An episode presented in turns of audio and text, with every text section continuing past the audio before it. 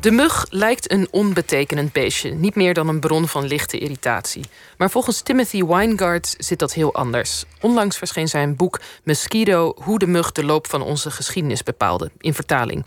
Waarin hij de mug portretteert als factor van groot belang in de mensengeschiedenis. Ja, en om dit boek te bespreken is bij ons lands grootste muggenkenner, want zo mogen we medisch entomoloog Bart Knols absoluut noemen, die zelf ook een boek schreef over de mug, geloof ik gewoon getiteld Mug.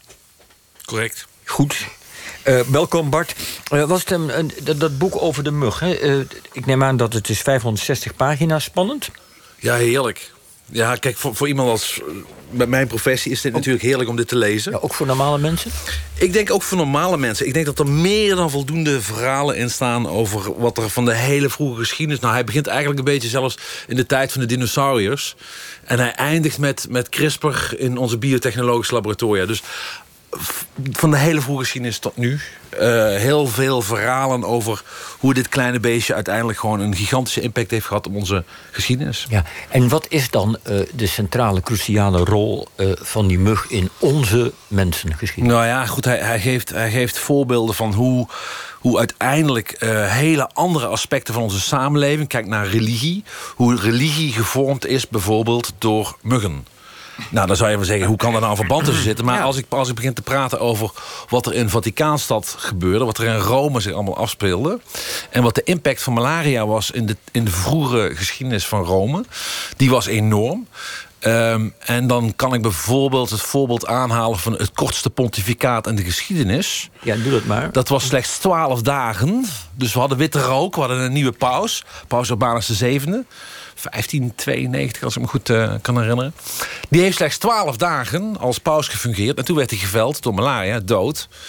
En uiteindelijk, iedere keer als er een paus kwam... uit een noordelijk gelegen land in Europa, als die verkozen werd... dat waren vaak pausen die niet waren blootgesteld aan malaria. Dus die hadden nooit enige vorm van immuniteit opgebouwd. En dat betekent dat men uiteindelijk, omdat die pauzen die gingen steeds de pijp uit heel snel, dat men toen op een gegeven moment heeft besloten: vanaf nu gaan we nog alleen maar pauzen kiezen uit zuidelijk gelegen landen. Want die mensen hebben tenminste enige vorm van immuniteit opgebouwd. Dus dan krijg je Zuid-Europese invloeden in het Vaticaan, die uiteindelijk toch bepalend zijn geweest voor het katholicisme. Ja, het is een hele verklaring, ook als je nu even doordenkt met de problemen van de afgelopen 30, 40 jaar met de kerk, die dan misschien ook door de mug veroorzaakt zijn. Dat we al die, nee, dit, ik ga het helemaal fout. Ga door. dit wordt, dit wordt een heel interessant, heel interessant verhaal. Maar goed, uiteindelijk, uiteindelijk als je kijkt naar... En daar, daar, schrijft, daar, schrijft hij heel mooi over. Ik bedoel, hij begint, hij begint in de hele vroege geschiedenis... toen we nog lang niet wisten wat de impact van die mug was. En we hadden nog geen relatie tussen die mug... en het overbrengen van bepaalde ziekten. Maar we weten bijvoorbeeld dat uh, Tutankhamon... Hè, op zijn uh, eh, 19 jaar, uh, toen hij stierf... niet alleen een beenbreuk had, maar hij had ook malaria. Dat weten we omdat we uit zijn uit zijn weefsels ook DNA van malaria-parasieten in 2010 hebben weten te vinden.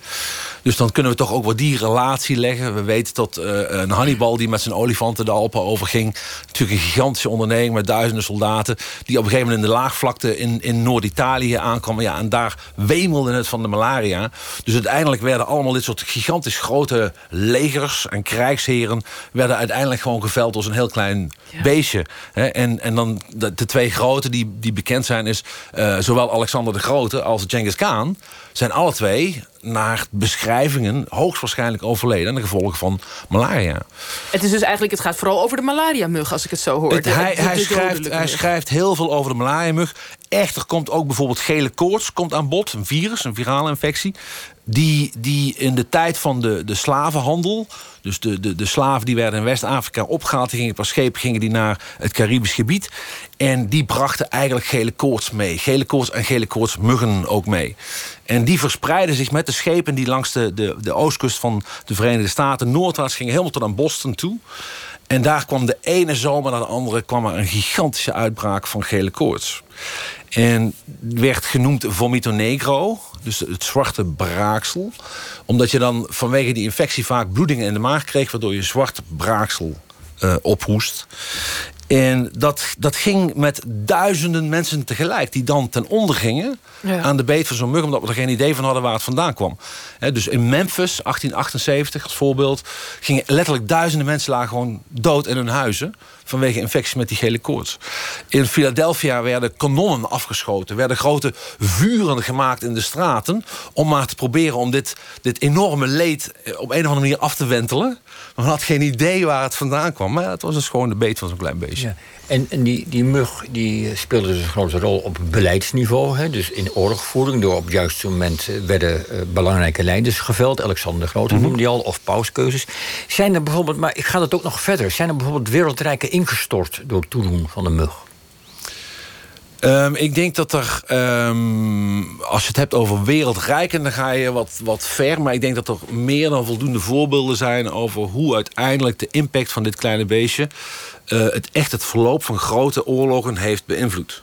En ook ten positieve, hebben er ook wel eens mensen geprofiteerd van een mug? Uh, nou ja, goed, als je het hebt over de Tweede Wereldoorlog... dan, dan heeft op een, op een gegeven moment heeft Japan lange tijd geprofiteerd van het feit dat zij... we hadden het net over Nederlands-Indië... dat zij uh, in maart 42 Java zijn binnengevallen... waar wij op dat moment de grootste uh, kinineplantages ter wereld hadden. Dus 90% van alle kinine wat in die tijd geproduceerd werd op Java... En dat is als antimalaria-middel, ja. malaria-medicijn... Uh, dat hadden wij in, in, als Nederlands in handen. Dus we hadden ook het kininebureau in Amsterdam. Daar ging alle productie van, die, van de kinine in de wereld ging daar naartoe... en dat verkochten wij dan wereldwijd. Dus toen, toen Japan Java binnenviel... Uh, werd in één keer de, de, de Allied Forces die werden in één keer afgesloten van de toegang tot, tot kinine. En toen in augustus 42 in de Pacific de, de geallieerden gingen oprukken noordwaarts richting Japan... en begonnen in de Solomon-eilanden, ja, zaten ze daar zonder antimalaria-middelen. Dus die soldaten daar, die daar eh, op zo'n tropisch eiland kwamen... ja, het eerste wat gebeurt, s'nachts wordt er gevochten... maar s'nachts vliegen ook je muggen rond. dus op het moment dat de kogels ophielden uh, rond te vliegen... Ja, dan nam die mug nam die taak over en die ging gewoon mensen bijten. En er zijn schattingen geweest, het gaat over een half miljoen mandagen...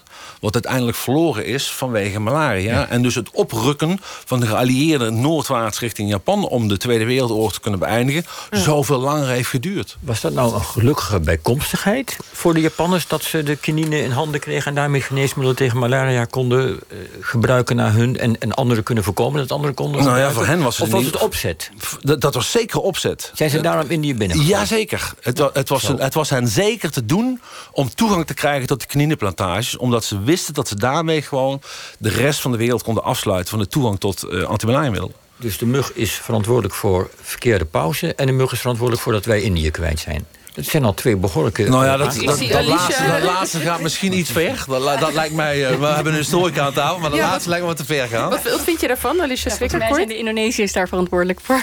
Ja, precies. Heel goed. Hey, en, en nog eventjes, het zijn allemaal bouwde beweringen. Het is een, het is een enorme these die, die, die hier eigenlijk naar voren brengt. Overtuigt het jou? Uh, op bepaalde punten niet. Nee, ik bedoel, als jij praat zeker over de, de tijd voordat we wisten hoe malaria of andere ziekten door muggen overdragen, werden overdragen, dan is er een hoop wat speculatief is. Wat, mhm. nog, wat eigenlijk, waar je ook zou kunnen zeggen: van ja, goh, uh, tot de Engelsen in 1809 op Walcheren uh, uh, werden verslagen door malaria, door Napoleon. Ja. dat was malaria, ja, maar dat was ook buiktyfus wat toen heerste. Dus misschien waren ook andere factoren die een rol speelden. Oké, dus het is, het, is, het is speculatief, maar als ik jou zo hoor praten, is het wel echt heerlijk speculatief ook. Heerlijk om een bad te lezen. Ja, oké. Dank voor je komst, Bart Knols. En het boek wat we bespraken heet dus Mosquito, hoe de mug de loop van onze geschiedenis bepaalde van Timothy Weingart. En het boek van Bart Knols over de mug heet dus inderdaad